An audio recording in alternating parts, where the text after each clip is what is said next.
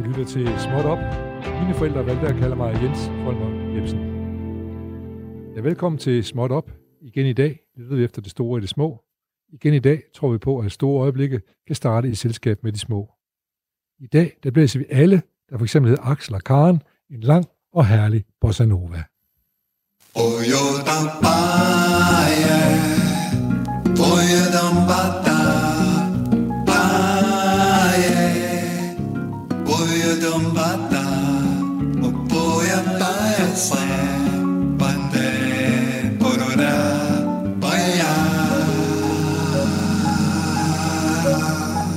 velkommen til time mellem øh, 12 og 13 på denne onsdag her i april. Velkommen til den næste time i dit liv. Vi ved, at den aldrig kommer tilbage, så hvis du lytter med, så ved vi også umage for, at det bliver en munter og lærerig time, som forhåbentlig kan, pådra- som forhåbentlig kan bidrage positivt til dit liv. Der er mindre godt ved dagen i går, men det blev bedre i morgen, siger de. Og sådan er det, sådan er det statistisk med onsdage. Men først, så skal vi lige have skal have sporten småt. Tom Moore bor i England. Han er 99 år gammel, og han er veteran fra hæren. Han øh, har besluttet sig for, at han vil skrabe penge ind til øh, det engelske sygehusvæsen, og øh, han har nu øh, faktisk tjent mere end 4 millioner pund ind til det engelske sygehusvæsen. Hvordan har han så gjort det? Jo, han står op hver morgen, så tager han sit gangstativ, går ud i sin have, hvor han har en, øh, en, lille, øh, en lille havegang, som er 25 meter lang. Formålet har så været, at han skulle tage 100 gange frem og tilbage, og så kunne folk putte penge i, mens han gik frem og tilbage. Det tog ham cirka en uge at gå øh, de, øh, de 100 runder, øh, og han fik som, som sagt alle disse penge ind til det engelske sygehusvæsen. Den tidligere, øh, tror jeg, han var øh, den tidligere øh, officer i den engelske her, øh, han er blevet så øh, ophidset det her, at han tænkte, at han vil tage 100 ture mere af 25 meter, og håbe på at, at tjene endnu flere penge ind til det engelske sygehusvæsen. Vi kan kun sige tak til ham, og tak for at være en inspiration og en rollemodel for alle ældre. Tusind tak til Tom Moore, siger vi, og formodentlig også det engelske sygehusvæsen. Godt. Så er vi nået til dagens program. Øh, en ven klandrede mig for ikke så længe siden, øh, for at min forståelse af politik var gammeldags. Det kunne godt være rigtigt. Og da jeg måske ikke alene om at tænke politik på en let og bedat måde, så var det, vi har fundet på at lave småt ops politiske lille skole. Småpolitiske lille skole. Og vi taler med forskellige øh, politiske vidende mennesker om, hvad der kendetegner dagens politik. Vi har tidligere lært om arbejdsbegreb, velfærdsstat, demokrati og tillid til politikere, tillid til presse, til, tillid til journalister, om den mangfoldige danske kultur, om demokratiske rettigheder. Hvis du er interesseret, så gå ind og lyt til vores podcast. Hvis du vil vide mere, så led efter programmet Småt Op. Klik og find udsendelsen med fælles titlen Småt Ops Småpolitiske Lille Skole. Vi skal nu i gang med lektion 3. Og så skal vi sige velkommen til dagens lærer, Johannes Andersen, emeritus fra Aalborg Universitet. Velkommen til, Johannes. Tak skal du have. Ja, vi har haft en runde med dig tidligere, måske skulle vi lige prøve at opsummere øh, de ting, vi øh, havde sidste gang ganske kort. Vi talte om, øh, om at arbejdsbegrebet det var under omformning. Så hvis vi skal forstå arbejde i dag ind i det den politiske virkelighed, hvad er arbejde så i dag? Ja, det er i virkeligheden der, hvor arbejdet fylder, altså hvor man i gamle dage, der øh, handlede det om at få arbejde til at fylde så lidt som muligt, for det blev opfattet som tvang. Øh, så derfor så frihed, det var der, hvor man kunne folde sig ud arbejde, det var tvang. Så har vi fået et arbejde, som bliver mere og mere krævende, og det vidensarbejde spiller en større rolle, og det vil sige, at det kan man jo tage med sig hjem, og så har vi fået øh, en situation, hvor det flyder mere og mere sammen, hvornår er det arbejde, hvornår er det fritid, øh, hvornår er man udviklet, og hvornår er man udvilet. Øh, og det, der er ved at ske lige nu, og det er så den nye tendens, øh, det er, at øh, flere og flere bliver ansat i det, der hedder løsere øh, tilknytninger i projektansættelser og lignende kort og det betyder jo, at så er det meget, meget sværere at forestille sig, at arbejdet skal fylde så meget. Derfor så handler arbejde mere og mere om noget, der skal overstås, sådan at man kan komme i gang med noget øh, nyt i det tid, som ligger udenfor, der hvor man udvikler sig. Altså hvor man i gamle dage skulle hvile sig, når man havde fri, så skal man i dag udvikle sig. Og det, der hvor man nu som menneske udvikler sig, det er altså ikke længere så meget i arbejde, men mere i den tid, der ligger ud over arbejdet. Og arbejdet, det bliver så kortere og kortere. Ikke fordi man nødvendigvis gerne vil, men sådan er det. Og, og den der tendens til, at man skal, man skal virke i stedet for at arbejde, det er, det er noget, der er på vej nu. Det, stadigvæk det normale er, at dem mellem 67 og 65, de er ude på arbejdsmarkedet og er alert det meste af dagen, øh, eller på arbejde det meste af dagen, hele dagen. Ja, det er rigtigt. Altså, på det, altså det, er, det er nogle tendenser, som vi i hvert fald tydeligt kan se, øh, viser sig på den måde, at man, man dels er i det. Altså, mange af os står midt i det og, og kan ikke få det arbejde, de måske gerne vil have, hvis de tænker for meget i vaner. Men så er det, at de heldigvis kaster sig ud i noget andet og begynder at virke. Og det, og det, øh, det, det er jo den anden spændende del, der er ved at komme. Ikke? For den har jo også noget med generationer at gøre, fordi nogle af dem, som bliver gamle lige nu, øh, det er jo 68-generationen, og de har i hvert fald et stykke af vejen kastet sig over det at virke ja. på utrolig mange måder. Og så mange af de nye unge, nyuddannede, som er nødt til at finde arbejde på den måde også, kan man sige, øh, ja. projektarbejde. Godt. Og så står der en ny alliance mellem ung og gammel, det er da meget spændende. Det er meget interessant.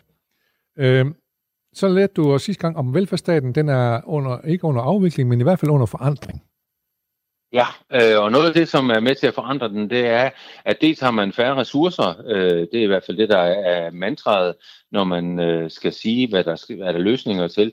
Øh, så derfor så skærer man nogle steder ned, øh, man rationaliserer og åbner så, og det er det, der er det nye, på den anden side, nemlig for, at flere og flere borgere skal med ind og hjælpe. Altså man laver samskabelsesstrategier, man laver øh, forskellige måder, hvor man kan løse opgaver sammen. Frivillighed. Øh, Ja, altså, så, og det kan være at passe øh, skolebørn, det kan være at hjælpe skolebørn med lektier, det kan være, når skolen ikke kan øh, undervise helt, så kommer der frivillige ind over, eller forældre bliver involveret i det. Og det, det der sker mere og mere, det er, at øh, velfærdsstaten øh, næsten kræver, at øh, dem, som skal servicere, også selv øh, deltager aktivt med at yde ind på et eller andet måde.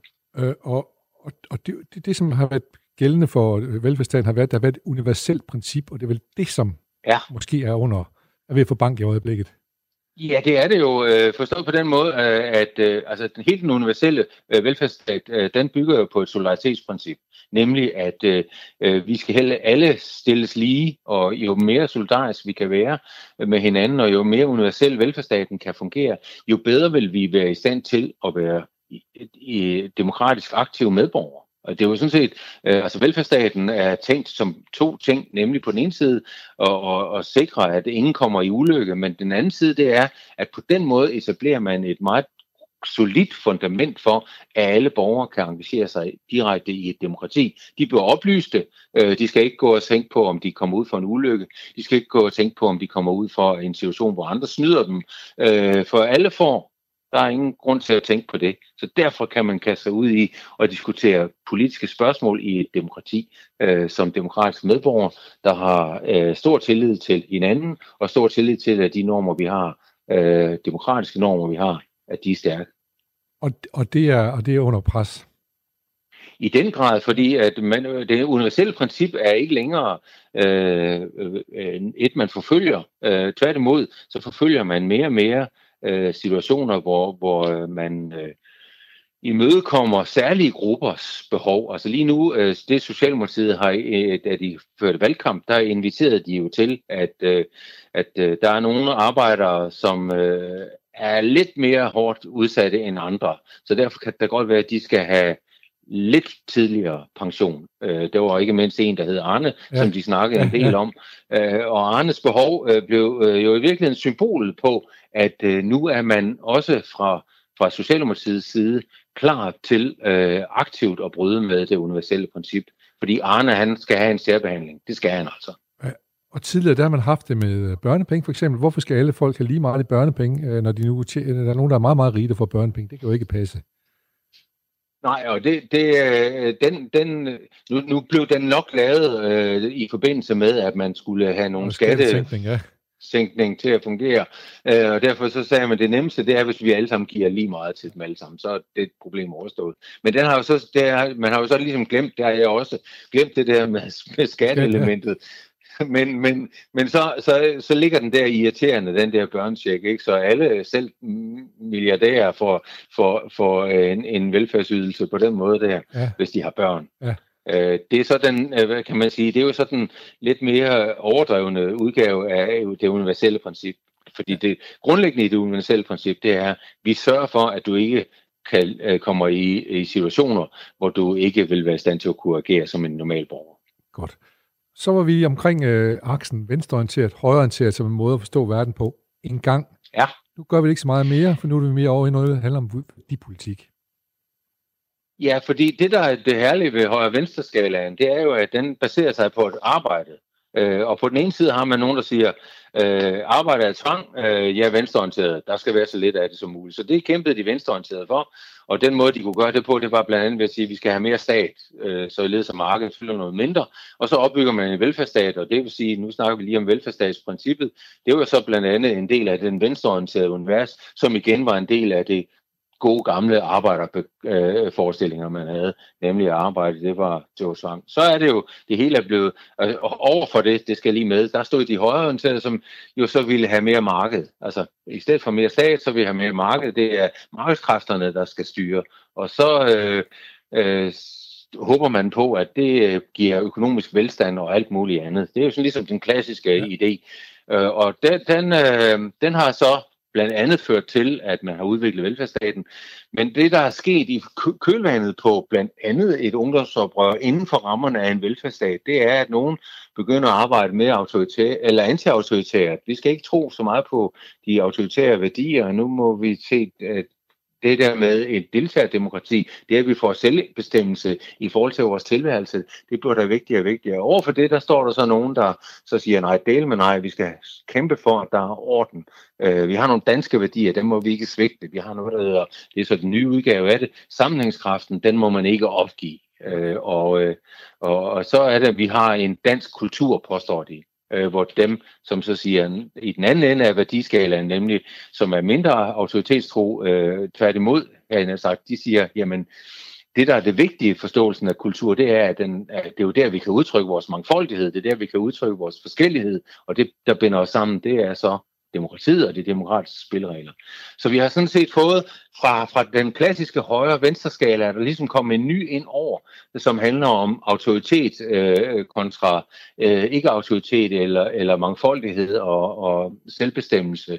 Øh, og den er nu ved at blive overhalet af en ny igen, nemlig den, der har klimaet på, på dagsordenen. Og det valg, vi lige har haft øh, med 2019-valget, det var et, der i den grad blev talt, kaldt for et klimavalg, og det blev det også, forstået på den måde, at øh, lige præcis igennem valgkampen, så øh, fandt flere og flere vælgere ud af, at klimaspørgsmål, det er jo det, der ligesom øh, for mange af dem skal være med til at, at, at bekræfte, hvor de skal sætte deres kryds. Jeg skynder mig så at sige, at øh, det var jo ikke mindst øh, dem, som ikke rigtig fulgte med i politik, dem, som ikke var mest interesseret i politik, som, øh, som blandt andet så tog klimaet op, når de synes skulle endelig afgøre, hvor de skulle sætte deres kryds. Godt. Yes, vi får lige en lille jingle her.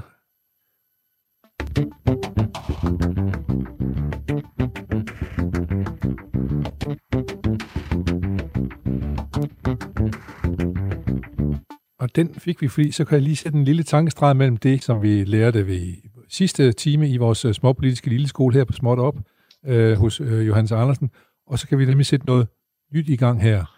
Du lytter altså som sagt til øh, Småt Op Småpolitiske Lille Skole. Mit navn er Jens Folmer Jebsen, og som sagt så har jeg besøg af emeritus øh, samfundsforsker fra Aalborg Universitet, øh, Johannes Andersen. Johannes, i dag skal vi snakke noget omkring, det vi skal lære noget om i dag, det er omkring forhold mellem eksperter og politikere. Hvem bestemmer? Ja, det, det er et rigtig godt spørgsmål. Øh, og, og et godt spørgsmål, det er et, man kan snakke længe om, ja. når, man, når man skal svare. Men så må vi jo gå ind og blive konkrete. Vi, vi, vi, vi, kan, jo ja. se, vi kan jo se nu her, for eksempel coronavirus, det er jo helt klart, er det, er det den lægefaglige videnskab, som skal beslutte, øh, hvad vi må og ikke må, eller er det politikerne? Ja, og det er jo øh, det er begge dele, øh, og krigen lige nu øh, i forhold til, til corona, øh, den går jo på, at nogle af de politikere, som blev sat ud på et sidespor, fordi regeringen ligesom tog over og fik lov til at tage over, øh, de, øh, man lavede nærmest øh, en, en situation, hvor, hvor man satte en lang række, eller nogle af de demokratiske rettigheder, mennesker har, dem satte man jo ud af spil. Og det var så for, at øh, det var det regeringen, der så at sige var eksperterne sammen med de rigtige eksperter, altså sundhedseksperter, øh, lægevidenskaben. Øh, og, øh, og, og der var det forholdsvis nemt, men nu vil politikerne gerne på banen igen, fordi nu synes de, at øh, de også ved, hvordan man skal åbne samfundet op. Men det, og, men, men, men, det, men det er vel også en politisk beslutning at sige, nu lukker vi samfundet ned og spørger til eksperterne. Det er vel også en politisk beslutning. Så, ja, regeringen, så regeringen kan stå og sige, de laver ja. den politiske handling, de laver. Ja. ja. Det der så, øh, for nu at, at, at åbne op for spørgsmål, eksperter, det er jo nogen, der er faguddannet. Yes. Det er nogen, der ved det, de, øh, de agerer om. Og det er det, de koncentrerer sig om. De koncentrerer sig om deres lille felt. Øh, det er eksperterne. Politikerne, det er amatører. Øh, og, og, jeg, og det, når jeg siger det på den måde, der, så ligger der selvfølgelig en lille finte i det. Øh, men det er jo lægefolk, som vi vælger til ikke at se på et ekspertområde, men se på det hele. De skal jo netop afveje interesserne. Og, og, og politik er jo et sted, hvor vi er uenige. Så derfor så vælger vi forskellige folk, øh, som repræsenterer forskellige interesser, øh, og de kæmper så for at få magt, sådan at de kan gennemføre den vinkling på helheden, som de synes er den rigtige. Og det er, det der, når vi så har et ekspertområde, og vi har en større og større stat, som gør, øh, og som jo grundlæggende er afhængig af, af, at der er eksperter, der er i stand til at agere inden for velfærdsstaten. Hvad enten det er inden for sundhedssektoren, så skal vi have læger, der kan løse problemerne der. Det er inden for undervisningssektoren, så skal vi have nogle uddannede, som kan undervise. Øh, og sådan kan man da blive ved, øh, at øh, det skal være eksperter, der sådan set agerer det. Men de agerer inden for rammerne af det, som politikerne har bestemt. Og politikerne skal ikke bare orientere sig efter øh, ekspertens interesse. De skal ligesom afveje helheder, lave kompromiser. Nogle gange skal de tryne modstanderne øh, og lave nogle beslutninger, som er nogle gange stik imod, hvad eksperterne de har, de er kommet med. Det, der så en gang imellem gør, at man er usikker, det er, øh, hmm, har eksperterne nu mere ret i forhold til det lille område, som de er eksperter indenfor, og skal det indf- have indflydelse på, hvordan jeg som politiker skal agere. Ja. Og det er jo så der, vi står lige nu. Det er, at øh, nu er der nogle politikere, der gerne vil blande sig i noget. Eksperterne vil gerne have, at de laverer på det og det område, og tager fat på et andet område. Eller hvad det nu er for en situation, vi står i. Det er der, vi står lige nu. Og pludselig så blev eksperterne jo politiseret, kan man sige. Ikke? Jo, altså, og det kan de jo ikke undgå andet, men det, og kunsten er, at de hele tiden stopper, når den politisering, den bliver rigtig politisk, men, øh, men mindre de sådan virkelig har et regulært politisk øh, ærne, og det er der jo rigtig mange eksperter, der har, når det kommer til stykket, fordi de har jo indsigten for ja, ja, ja. ja, ja. og, det, og det er den, når de nu har indsigten, hvorfor skulle de så ikke forfølge den i et stykke hen ad vejen i hvert fald? Og der, der, det er jo her, vi så har at gøre med øh, en virkelig udfordring for demokratiet. Og jeg synes, man skal tage den på to, de to niveauer, eller vi har i virkeligheden tre, øh, fire stykker, øh, hvis det nu skal være. Men vi har det kommunale niveau, øh, og der, der, der, hvis vi kigger på, hvordan øh, øh det gammeldags øh, kommunalstyre var, øh, og det var dengang din far og mor de øh, gav dig navn for mig. Ja, ja. Øh, der, der havde vi jo nogle meget, meget små kommuner, og vi havde, øh, de havde ikke særlig meget at gøre, og der var stor forskel på alle. Jeg, jeg kan faktisk huske, der var en borgmester i Åby Høj. Ja, det var det, jeg tænkte, om der ikke også var et rådhus derude, som vi der. stadig kan se. Der. Øh, og vi kan stadig se bygningen, ikke? Jo. Ja, og, og, det var sådan et lille sted, hvor, hvor man, hvor man øh, i den grad kunne snakke om tingene. Øh, fordi der var sådan, øh, det, Høj, den afspejlede så øh, flertallet, det afspejlede i den grad befolkningens sammensætning der, ikke? Øh, og derfor så, vi snakker om tingene, men, men der var også en relativt klar stabilitet på tingene, ikke? I byerne var Socialdemokratiet dominerende, jeg ved ikke, om det var det i Åby Høj, og på landet, der var det jo Venstre, der var dominerende, og, og der var ingen, der blandede sig i det. Det, det minglerer vi sådan noget. Så kommer der jo en kældner ind over, ikke? Han er så den lille ekspert, der, øh, som i virkeligheden dengang satte man sig på lovens bogstav, og så sørger man for, at budgettet det blev holdt. Ja, og det var vigtigt. Ja. Og det var den vigtige. Ja. Det var den vigtigste ekspert, man havde dengang. Ikke? Men nu har man jo alle hånde eksperter. Altså et hvilket som helst område inden for en kommune, som jo så sidenhen er blevet nedlagt i Åbyhøj, for at man kan blive øh, lagt dem sammen. Og det er jo en administrativ organisation, vi laver nu. Og den administrative organisationsplan, den gør jo simpelthen, at, at, at øh, politikerne de får mindre at skulle have sagt, øh, mens eksperterne får mere at skulle have sagt, når det kommer reelt. Fordi det, der er politikernes øh, rolle, det er nu at være leder af det, der hed, og det var det, der var argumentet, da man lavede strukturreformen her i, for øh, 10 år siden, lidt mere, øh, det er, at det skulle være bæredygtige kommuner. Og bæredygtige kommuner, det var sådan et elastikbegreb, man havde, øh, men det, var, det gjorde, at det skulle være bæredygtigt økonomisk og bæredygtigt til at løfte alle opgaverne. Ja. Og, og så er det jo så pludselig, så bliver eksperterne dem, der over en bred bank, øh, og de har sådan, lad os nu bare sige, fire forskellige områder, vi arbejder med, eller fem forskellige områder, man arbejder med, og der ser ledende eksperter i spidsen af alle de her områder her, og så sidder politikerne over for det. Det får nogle af politikerne til at sige, at jeg må hellere kaste mig over en lokal sag, så forfølger jeg den. Ja, så glemmer, ja. vi alt om, det, glemmer vi alt om det andet. Ikke? Jeg har min mærkesag. Ja, vi, det, det er parkering. lige når i Åby Høj, der skal der være noget nyt. Der skal være parkeringsplads for handicap, lige præcis der, eller et eller andet. Lige præcis der, ja. ja. ja. Fordi det kan de styre, øh, og, og, og der kan de også øh, hånd, øh, møfle eksperterne. Øh, det er straks værre, når man sådan, øh, bevæger sig ind på, på, på nærområderne derinde. Ikke? Altså, hvordan, hvordan klarer man ældreområdet? I lang tid var det jo vanvittigt at tænke, at vi skal nedlægge alderdomshjem. Hvorfor skal vi det? Ja, fordi ældre skal være hjemme så lang tid som muligt. Ja, ja. Og det var for rigtig, rigtig mange, var det virkelig en revolution.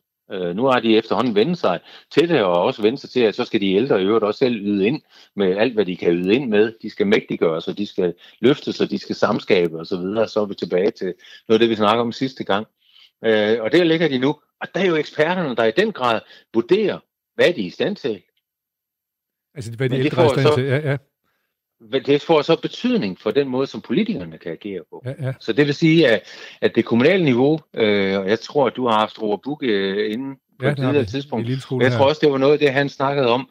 Øh, det er jo, øh, selvom han ikke er helt så, så, så sortseende, som jeg nødvendigvis er her, nemlig at øh, politikerne på det kommunale niveau i mange situationer pludselig er meget afhængige af eksperterne inden for området som de nu skal føre politik på. Fordi hvis ikke den kommune klarer sig godt på, på det politiske område her, og for at kunne klare sig godt, så vælger man tit eksperternes pejlemærker. Fordi øh, det er også dem, der gør, bliver gjort op i de øh, oversigter, der er over ranglisterne over kommunerne i forhold til løsningen af de forskellige opgaver. Men lad, lad... Så kan det skade vores omdømme, og så kan det betyde, at folk de løber udenom os og alt muligt. Og vælger nogle andre politikere. Ja. Og vælger andre politikere. Det, ja. Ja, og på det øverste niveau, øh, der har vi jo centraladministrationen siddende på folketingsniveauet. Øh, imellem det har vi jo så øh, øh, regionerne, som jo er afhængige af, af lægevidenskaben inden for sygehussektoren. Og den er vanskelig at løbe om hjørner med, når det kommer til stykket. Derfor har man jo så sørget for, at regionerne ikke kan udskrive skat selv, hvis de får lyster til at sætte endnu flere ting i gang det skal Folketinget sørge for. At, øh, der kan man sige, der har vi jo et, et rigtig godt clash mellem eksperter og øh, politik, fordi øh, der har vi ja. der sundhedsøkonomer. Fordi hvis, hvis, ja. øh, hvis eksperterne fik øh, lov til at gøre alt, hvad de vil på hospitalerne, så er det uanede mængder, man kan stille op på hospitaler. Men der er jo nogle politikere nødt til at sige, nej, nej, stop. Det her bruger vi ja. altså ikke penge på. Og, og hver gang de så siger det, så kommer de jo, øh, så, så, så bliver de konfronteret med en konkret sag, ja, ja, som hedder, Ja, hvorfor, skal jeg ikke reddes? Ja, netop. Og øh, hvorfor kan han få et hjerte, hvorfor kan min kone ikke ja. få det, og så videre, ja. Ja, øh, og det, det er jo så øh, i virkeligheden øh, det der samspil, sammenstød mellem politikere og samarbejde, fordi langt hen er der også et, et meget produktivt samarbejde mellem ja. eksperter og politikere, sådan må man se det i øjnene. Men i nogle situationer, der bliver det også til et sammenstød, og så bliver det til en, en, i virkeligheden en oplevelse af, at politikerne de har mindre skulle have sagt, og det oplever de også selv end, end godt er, fordi tingene er så styret i en kæmpestor velfærdsstat, som vi efterhånden har fået, øh, som gør, at det er vanskeligt at sige, det eneste vi kan styre, det er, skal skatten stige eller ej? Ja. Og det er så det, nogen har brugt rigtig meget energi på. Og det, ja, vi står i den her coronasituation, ikke, hvor, hvor vi bruger rigtig mange offentlige kroner på at løse nogle af de udfordringer, vi har her. Og når vi så er oven på det og skal tilbage til sporet igen, så øh, bliver en af diskussionerne burde i hvert fald være, skal vi så sætte skatten op, eller skal vi så klare os øh, ved at sætte aktiviteterne ned inden for nogle givende valg? Og, og så kommer et nyt valg, fordi man må sige, okay, hvis jeg, hvis jeg kan se øh, fodsålerne en ekspert, så ved jeg godt, det kommer til at koste en masse ekstra i skattepenge. Så, så politikere må stille sig selv spørgsmålet, skal vi have eksperter ind overhovedet? Men det skal de, for ellers så er der nogle andre ting, de ikke kan magte. Ja, præcis. Altså, de har ikke den strategiske fornemmelse inden for alle områder, fordi politikere er jo netop, som jeg startede med at sige, amatører. de er amatører. Ja. ja. Øh, og, og, og det skal de være, ja. øh, fordi de er valgt, fordi vi har tillid til dem. Det er en del af demokratiet. Øh, øh, men, det, men, men situationen er så, at de mere og mere bliver presset af andres viden, øh, som er større end deres viden. Ja. Og det prøver de jo så at gøre til deres viden. Så bliver de selv en slags eksperter, og det er jo så det, øh, vores nuværende regering har været tvunget til at gøre i en kortere periode, øh, og, øh, og som de nu bliver udfordret af de andre politikere af, altså oppositionen, som siger, nej, nu, nu, nu øh, har I alt for længe forsøgt nu har jeg fået rampelyset længe nok. sætte jer på den viden, der ja. er. Ja, og det er jo en del af det, ikke? Altså, der er, det, det er jo også en del af det, ikke? Nu har I haft rampelyset alt for længe, nu vil vi, nu vil vi også, nu vil vi også gøre, nu vil vi også ses. Folk skulle nødig glemme, at det er, Uffe, at det er Ellemann Jensen, der er formand for Venstre og den slags ting, jo. Det er ikke kun at Mette Frederiksen, der findes af ja. som politiker. Ja. Øh, men, og, så, og så nærmer vi os meget, meget hurtigere altså betingelserne for at føre politik, altså som jo også har forandret sig mere og mere sådan den rent sproglige tone, ikke? Øh, men, men, men altså, samstødet imellem eksperter og politikere, det er et samstød imellem øh, øh, folk, som er fagprofessionelle og som ved rigtig meget om deres område, og som har uanede perspektiver for, hvordan man kan udvikle området her, for at det kan blive endnu bedre og så politikere, som er amatører i forhold til områderne her. Og de må så gribe til de få styringsinstrumenter, de har. Og et af dem, det er budgetter, det er skatten. Skal den op eller ned? Og, og så kan de slå armen ud og sige til eksperten, det er godt, hvad jeg synes, det skal være sådan, men nej, det har vi jo ikke råd til, det kan I jo nok se. Nej. øh, øh, og hvad er det, så lige, lige her til sidst, øh, Anders Fogh, han blev jo, jo, jo stratisk berømt på at sige, at vi skal ikke have alle disse smagsdommer og eksperter osv. Var det, mm-hmm. var det, mhm. fordi han var bange for, at det ville komme til at koste ham penge her dem, eller hvad? han havde jo en øh, pointe mere, nemlig at øh, jeg indfører en kontrakt med ja, mine vælgere. Ja. ja. Og, og, og det er kontraktpolitikken, som jo som var den, at øh, det jeg lover, det holder jeg. Det gennemfører jeg. Og, og det er jo klart, at når han så definerer, han, på den måde revolutionerer han i en kort periode, det kan man ikke gøre ret lang tid, fordi så er det, at man lukker øjnene for, hvad eksperter de kan sige. Ja. Og det kan man godt gøre i en ganske kort periode, men, men når sygehusvæsenet påpeger, at nu har man faktisk fået mulighed for at gøre sådan og sådan. Ja, vi kan helbrede øh, kraft, ved, og, hvis vi får de, de penge til at gøre ja, sådan. Ja. ja, så er det svært at lukke øjnene i ret lang tid. Men man kan godt gøre det i en kortere periode. Så kontraktpolitikken, øh, man, man spørger nogle gange, hvorfor fører alle ikke kontraktpolitik og, og gennemfører det, de mm-hmm. lover? Fordi øh, at øh, den måde, man kan definere det, man lover, øh, det kan man godt i en kort periode pludselig komme ind og gøre. Men, men øh, det førte jo til, at man i hvert fald, øh, sådan ser det ud til, øh, har, har, har øh, skåret på nogle områder inden for den offentlige sektor, som gjorde, at der sådan set udviklede sig noget, der blev helt skævt. Altså skattevæsenet lider lige nu skat, ja. Ja. Af, af, at der er nogle skævheder, som blev blandt andet motiveret af de ting, som der lå i en kontraktpolitik. Så der skulle han have lyttet til nogle skattemæssige skatteeksperter dengang, Anders Fogh, i stedet for at have travlt med at, at drive politik? Ja, det, det øh, kunne man måske godt have, have talt, men igen, øh, hans logik, det var at lukke for øjnene og ørerne især, ja. når eksperterne de råbte op ja, ja. og siger, at det, det går da ikke, hvordan skal vi kunne kontrollere? Ja, ja. Så man kan sige, at, øh, at, at det havde en kort effekt af få i det der, som, som gav ham en masse medvind. Men på, ja, den, lange, det. Men, ja. på, men på den lange bane, Altså, den... Ja, så var det svært ligesom at, at blive ved med at holde den gejst, og, og i virkeligheden også at fremstå som en, der kunne blive ved med at være kontraktpolitiker. Ja. øh, kan da ikke lade være med at tænke på, at, at grunden til, at han sådan pludselig, eller ikke pludselig, men i hvert fald efter nogle perioder, øh, egentlig fik mindre og mindre lyst til at være statsminister, og måske så sig om efter noget andet. Om det var fordi, at, at så blev den politik, han sådan skulle øh, stå for, mere og mere fedtet ind i, i, øh, i kompromis og eksperter og alt muligt andet, hvad han så åbenbart havde rigtig, rigtig svært ved at, at forlige sig med. Ja. Men det er en fortolkning, som, øh, som øh, der kan være som nogen, der er helt uenige i. Og som historien måske kan give dig ret eller ja. uret i på et eller andet ja. tidspunkt. Uh, ja. men, uh, men det er jo meget godt lige, uh, fordi det er, det, er jo en, det er jo en tale, som bliver hævet frem igen og igen og igen. Ikke? Altså, jeg, jeg, selv jeg siger ja. jo, jeg vil sgu hellere, en, når jeg kommer ned til tandlægen, så vil jeg ikke automobilmekanikeren til at kigge mig i munden. Jeg er glad for, at der er eksperter. Øh, øh, så, så det er jo en det er vi jo over det hele. Altså, øh, jo mere behandling man, jo bedre behandling man får, jo sjovere er det jo. Altså, ja, det er det klart. øh, nå. Men, men, der, men det skal jo så afvejes med, med fællesskabets øh, muligheder. Det er, jo, det er jo det, politikerne repræsenterer. Og derfor, jo mere amatører de er, jo bedre. Og, og det, der er jo sket med vores politikere, de er jo så i stigende udstrækning afspejlet i den veluddannede øh, gruppe af befolkningen, som i øvrigt også er eksperter i nogle sammenhænge. Ikke? Ja, ja, ja. Øh, så, så de kan mere og mere tale samme sprog, men taler mindre og mindre folkesprog, hvis det nu skal være. Så øh, lige for at slå en streg om det her, det var engang en, en, en meget øh, populær tv-serie, der hed Jeg vil have minister, hvor det rent faktisk var ja. embedsmanden, der havde magten over ministeren, men ministeren troede selv, at han havde magten. Det, det ja. kan vi godt opleve mange steder. Øh, den, den har klangbund i virkeligheden, den tv-serie. Det, der var det fede ved den udsendelse, det var, at man fik ministeren til at tro på, at han havde magten. Ja, netop, netop. Ja, ja. Jeg tror ikke, det er sådan stadigvæk.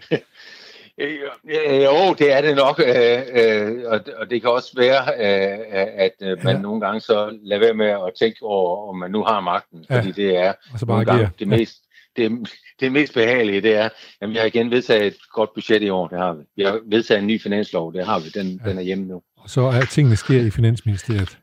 Ja. så, øh, ja. så, så er man glad for det. Om det så er blevet øh, mast igennem på en eller anden måde, det er en anden diskussion. Men, men det passer på, det passer på, når man siger, at, at for mange ting bliver besluttet i Finansministeriet, så har, man, har de ret, når man siger det, eller hvad? Fordi at... Ja, ja, selvfølgelig, fordi det er det, der definerer virkeligheden. Ja. Øh, jeg skal lige høre dig, nu, nu øh, det var så eksperter øh, versus politikere, som kan være godt, og det kan være ondt, men øh, vi har nok en god idé, de er der begge dele, kan man sige, til at, at skabe en eller anden form for balance. Øh, så skal jeg høre dig, om man har noget, man kalder det postfaktuelle samfund, og det er noget, man især er begyndt at tale om efter Donald Trump, han øh, nu har, jeg tror, de er oppe på, han lyver 25 gange om dagen, eller har usandheder 25 gange om dagen, og det betyder ingenting. Jeg går ud fra, mm-hmm. at det, han skriver sig ind i det postfaktuelle samfund, sådan som Donald Trump for eksempel, ved at være ligeglad ja. med, at han lyver. Hvad vil det sige, det postfaktuelle samfund? Hvordan er det opstået? Ja, det, det vil sige, at vi er ud over det med at læne os op af, hvad kendskærningerne er, Øh, og, og, det, og det ligger meget godt i forlængelse af det, vi nu lige har snakket omkring, ja. nemlig samspil mellem eksperter og politikere. Fordi, hvem er det så egentlig, der skal definere, hvad, hvad kendskærningerne er? Ja, det er jo eksperter, der har muligheden for at, at, at definere det. Og, og, og det, det er jo så det, der nogle gange skygger over for politikerne. Og, og hvis en politiker så siger, nu vælger jeg simpelthen konsekvent, og, ja. og nu gider jeg ikke at høre på eksperterne længere, Øh, øh, fordi de, er, de, de truner alt for meget. De bestemmer alt for meget. De er i virkeligheden snæversynede af hele bundet, hvis det kommer et stykke. Ja. Så er det, man begynder at opfinde sine egne virkeligheder, i hvert fald øh, hvis man er dygtig, øh, eller hvis man er meget raffineret. Og det er jo det, som Trump er nok den, den der er mest ihærdig til at gøre. Ikke? Altså øh, lade som om, at den, den anden virkelighed ikke findes, øh, og, og når han så blev konfronteret med den, så har han magt nok til at, at afvise dem, der konfronterer ham med, hvad er det egentlig så det faktuelle forhold er. Så kalder dem fake eller eksperter. Ja, og det vil sige, at så læner vi os op af den anden side af den diskussion her, som handler om populisme, som jo ja. øh, også har været rimelig meget op i vælten. Øh, og og man, hvis man kigger tilbage på de sidste 10-15 års diskussioner af, hvad er det egentlig, der kendetegner politik, så er det jo, at vi mange er blevet mere og mere opmærksom på, at det, man kunne kalde for populisme, øh, fylder mere og mere. Mm. Øh, og det er en måde at i talsætte virkeligheden på, sådan at øh, det er os almindelige mennesker mod eliten, øh, og så definerer vi efter for at godt befinde, hvem vi synes er eliten. Øh, og det er formodentlig eksperter, Anders, ikke? Ja, og det er på mange måder eksperter. Anders Fogh gjorde det, da han sagde, at vi laver kontraktpolitik, og så den anden side det der med, at nu skal de ikke, øh, øh, eksperterne skal ikke styre, øh, smagsdommeriet skal slutte. Det var jo en, en strengt taget en, en, øh, en, en form for populisme, hvor han sagde, det er os, de almindelige mennesker, mod eksperterne. Øh, og det, det, og hvem de almindelige mennesker er, og hvem eksperterne er, det kan man så med jævn mellemrum definere, og det er der mange, der så er uenige om, hvem det er. Men det er jo sådan set det, der er væsentligt. Og det, som Trump han gør, det er, at han tager, øh, han tager jo øh, vi, det er amerikanerne, altså den rigtige amerikaner, ja. den som den som vil den virkelige amerikanske ånd, og han har masser af billeder, fordi amerikanerne er fyldt med billeder om, hvad, hvad en rigtig amerikaner ja, ja, ja. er. Og jeg skal helt sige, en rigtig amerikaner bor altså ikke i New York. Øh, og den virkelighed, som man kender fra New York, er ikke den amerikanske virkelighed. Og, det, og hvad der jo er, det er jo rigtig, rigtig set. Øh, og det har han så øh, gjort til, øh, til øh, i virkeligheden sit udgangspunkt i, i hver gang han, han, øh, han benægter en faktuel forhold, så er det fordi, at øh, han, han, han ved bedre, fordi han har nemlig det der link til det amerikanske, den amerikanske ånd, den ja. amerikanske sjæl, the spirit ja. of America. Ja. Det har, den kender han, den har han, øh, og derfor så lader han sig øh, øh, løfte af, at han er forenet med sit folk øh, imod alle, der forsøger at tryne ham. Og så en hver, der... Fordi det, det vil, det vil, når de vil tryne ham, så er det ens betydning med, så vil de også tryne det amerikanske folk. folk ja. Og derfor så, alle de, der kommer med de her faktuelle virkeligheder, øh, de, de, de, øh, de bliver trynet tilbage, fordi han, han er større. Han rejser sig over det. Når man kan komme med, det skal lige med nemlig, når man kan komme med alle de her øh, postfaktuelle udsagn, så er det fordi, at medierne også har ændret sig. Øh, og det vil sige, at øh, hvor medierne engang var redigeret, og det var nogle få, der redigerede den, man havde massekommunikation, det er fra de få til de mange, så er vi alle sammen øh, i stigende udstrækning blevet massekommunikerende. Men vi har ikke rigtig noget publikum at kommunikere til, vi kommunikerer bare ud. Men når vi så engang imellem rammer et publikum, øh, så, øh, så kan det fungere som en form for virkelighedsreference, eller en, ekspertreference eller noget andet, som så i en kortere eller længere tid øh, kan få lov til at fungere. Så nu... Og det vil sige, at øh, vi, vi, vi, det der med at være oplyst og følge med i, hvad er det egentlig, der foregår i politik, den slags mennesker findes der færre og færre af. De, ja. de holder stadigvæk avis. ja, ja. De få, der følger med, ja. Ja, de få, der stadigvæk holder avis ja, ja. og hører, hører ja. den her radio her. Ikke? Øh, øh, de, de, øh, dem bliver der færre og færre af. Andre, de, vi vælger simpelthen den virkelig, vi vælger de nyheder, vi vælger den orientering, vi gerne vil. Og det, så bekræfter det er så, som bekræfter. Så, så på den måde er vi nu ved at nærme os, hvad er det postfaktuelle samfund? Ja. ja, det er et, som hviler lidt på principperne fra populisme.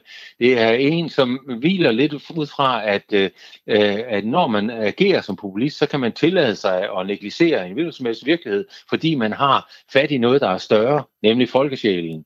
Øh, og samtidig så sker der nogle revolutioner og eksplosioner på mediefronten, som gør, at vi ikke længere har mere eller mindre autoritative kilder at gå efter alle kilder kan bruges og bliver brugt. Så skal jeg lige høre dig øh, her til sidst. Det, når, øh, når man siger det postfaktuelle samfund, er det så noget, der er kommet for at blive, eller er det noget, der er lige så kortvarigt som, som Anders Fogh Rasmussens kontraktpolitik for eksempel? Det, indholdet i det øh, vil være meget flygtigt, altså det, men, men selve det, at, øh, at politikere i stigende udstrækning også vil benytte sig af den mulighed, de har for selv at skabe sig nogle virkeligheder, skal at skabe sig med nogle alliancer med det, de kalder folkgødt, og definere, hvad folkgøds interesse er. Ja. Det vil vi se mere og mere af. Men så altså, også... der kan man jo sige, at den danske, den danske øh, erfaring med, med blandt andet Dansk Folkeparti er jo, at, at Dansk Folkeparti har, har taget patent på hvad det danske folk egentlig vil. Ja, og hvad det danske folk er for en størrelse. Ja, ja også det, ja. ja. Øh, og, og, og det med at, at definere, at der findes en dansk kultur, øh, som er kendt ved fire-fem forskellige elementer, øh, er jo så, øh, det er jo også en, en måde at agere på, på det her.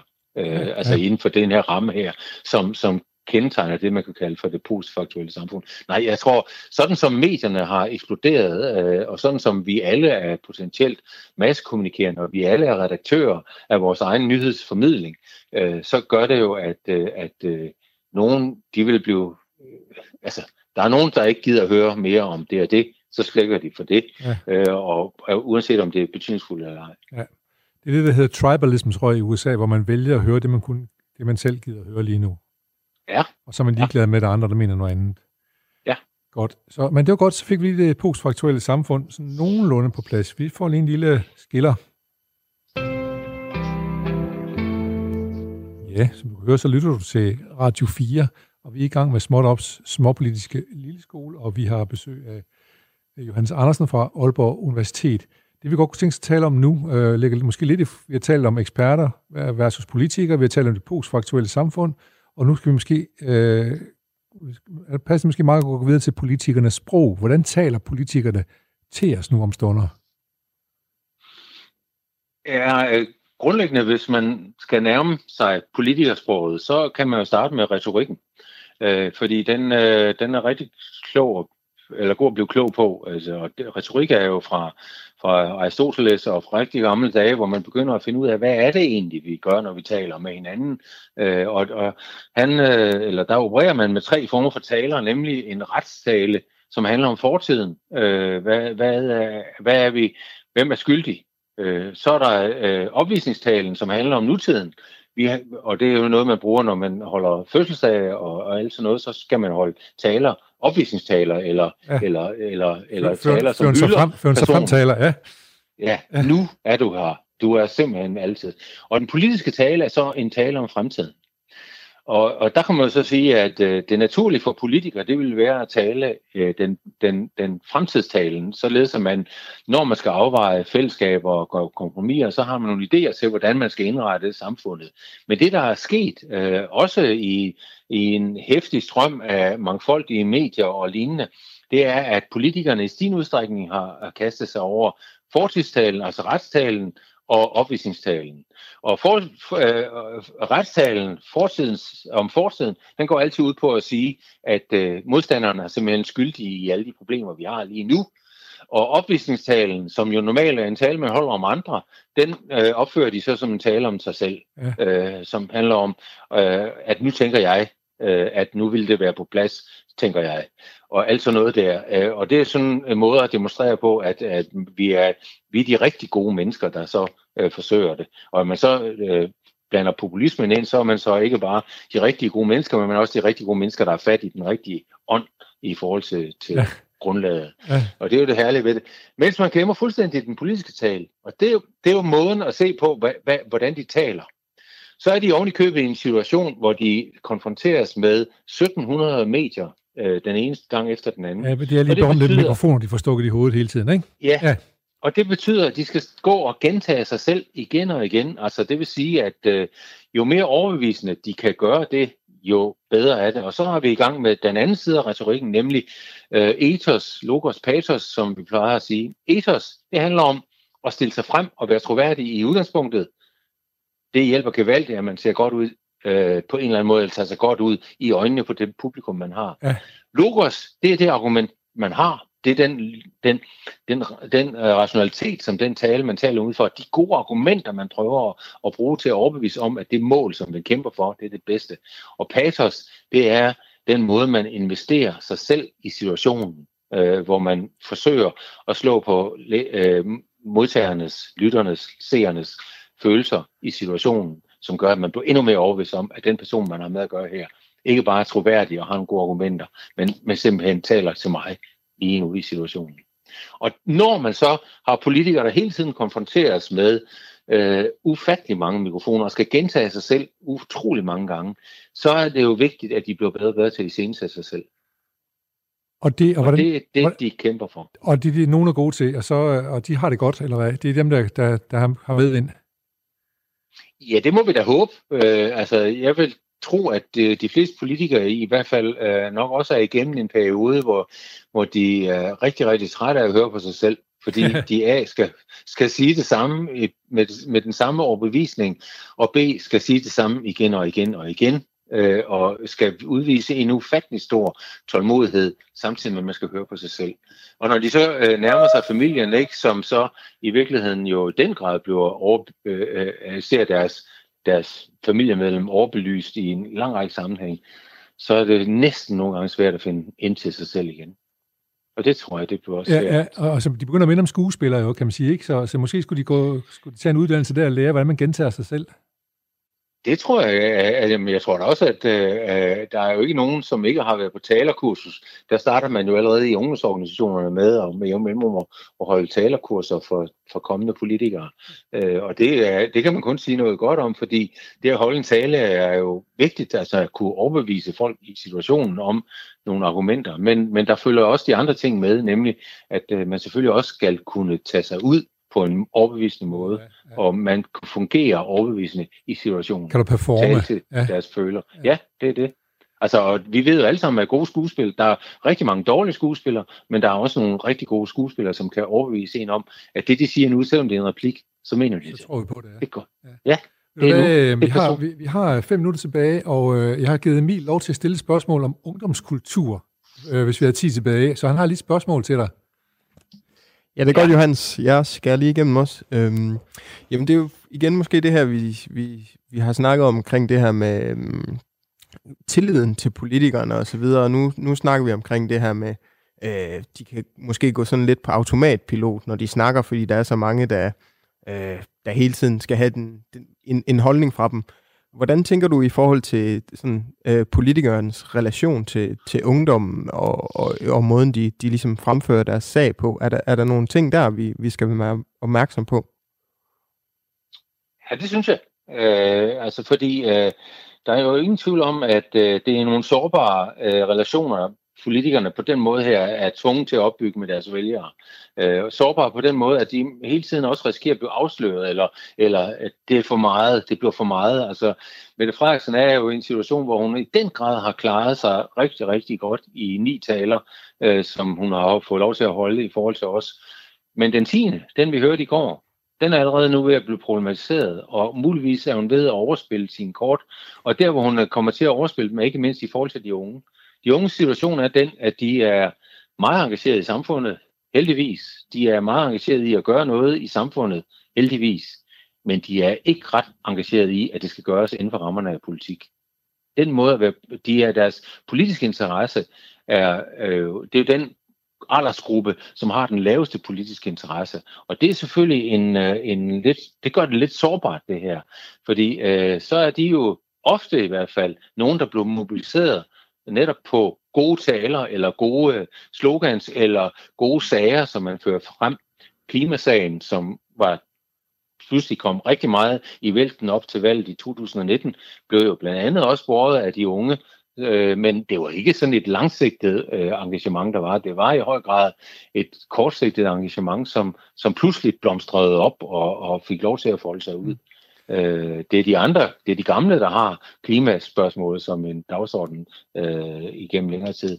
Så det, det, der ligger i det, det er, at unge, som er engageret i samfundet, de er også engageret i noget andet, nemlig at så skal de også i gang med at fortælle deres egen historie. Ja. Politikerne har haft det sådan, at de skal helst være dem, der sammenfatter manges historier. Men unge i dag bliver mere og mere optaget af at fortælle deres egen historie. Og derfor bliver der længere og længere til politikerne. Og så må jeg lige, øh, nu afbryde jeg så lige Emil, så din, din lille spørgetime, øh, og jeg skal lige bede om et kort svar på, er det godt eller skidt for demokratiet? Jamen lige nu er vi udfordret demokratiet. Altså ja. det, det, det, der, der bliver mere og mere øh, en, øh, en form for, øh, altså jeg har sagt, øh, politikerne bliver også en form for eksperter, øh, ja. som, som er mange meget nemt, ikke mindst også i unges øjne, kan blive slået sammen med de andre eksperter, eller det bliver svært ved at se det. Jeg kan huske, at jeg lavede nogle interview med nogle af de unge førstegangsvælgere på et tidspunkt, hvor, hvor nogle af dem sagde, jeg er så træt af de politiske slagsmål. Jeg gider ikke at høre om dem mere. Nej. Øh, og som er en del af iscenesættelsen fra før, kan de ikke bare en gang for alle beslutte sig for det, der hedder den rigtige løsning? Og så tænkte de på, at det var det eksperterne jo, der kunne definere for dem. Ja. Og så kan de vedtage ja. den og, men men det, det, der lå i det, det var en form for, i virkeligheden, dybfølt afmagt, eller en ja, frustration over, at, øh, at det politiske slagsmål skal foldes ud på den måde der, og så videre. Hvad, hvad er meningen med det? Ja. Det kan være svært at se med unge øjne. Så det er meningsløsheden i politik, som er en far for demokratiet lige i øjeblikket, fordi de unge, de, øh, de gider at have med den at gøre. Ja, ja. ja. Johannes, det, øh, man, ja. man må, man, den lille kort bemærkning er, og man skal ikke glemme her, at man skal ikke være ret mange unge, før man i den grad kan sætte sig på en helt ny dagsorden i politik. Godt, så vi er spændt på, hvad den næste dagsorden bliver, der kommer fra de unge af. Øh, Johannes, øh, vi siger tusind tak for øh, lektion 3 her i vores øh, lille småpolitiske øh, lille skole. Tusind tak, fordi at øh, du vil være med. Velkommen. Ja, du har lyttet til øh, Radio 4, og du har lyttet til programmet Småt Op. Mit navn er Jens Folmer Jebsen, og vi har været i skole. Vi har jo som sagt en, øh, en øh, småt op, småpolitiske lille skole, fordi at vi skal lære noget om, hvordan øh, det politiske system det fungerer nu om stunder. Men øh, vi er ved at nærme os øh, øh, dagens nyheder. Men vi skal også nå noget andet. En gang havde vi jo folkesang, morgensang i folkeskolen. I Småtopskolen, der har vi indført et klokken er snart 13 digt, og i dag er det et digt af Pia Jul. Jeg sprællede under dødens skab. Han ville ikke have mit kys. Han sendte mig 100 hver dag gennem luften. Alt denne luft, denne varme luft. Det store hav med en hej. Lur. Hvor kommer angrebet fra? Jeg spejder og håber. Og nu var det ikke længe. Nu er ude af digtet. Nu var det ikke længe, inden vi skal tilbage til virkeligheden. Vi skal tilbage til 10 minutterne. De er garanteret valgt med omhu og formidlet med troværdighed. Det ved jeg bestemt, fordi det er nemlig min gode kollega, Signe Ribergaard Rasmussen, der står for det i dag. Jeg kan kun sige én ting. Take it away, Signe.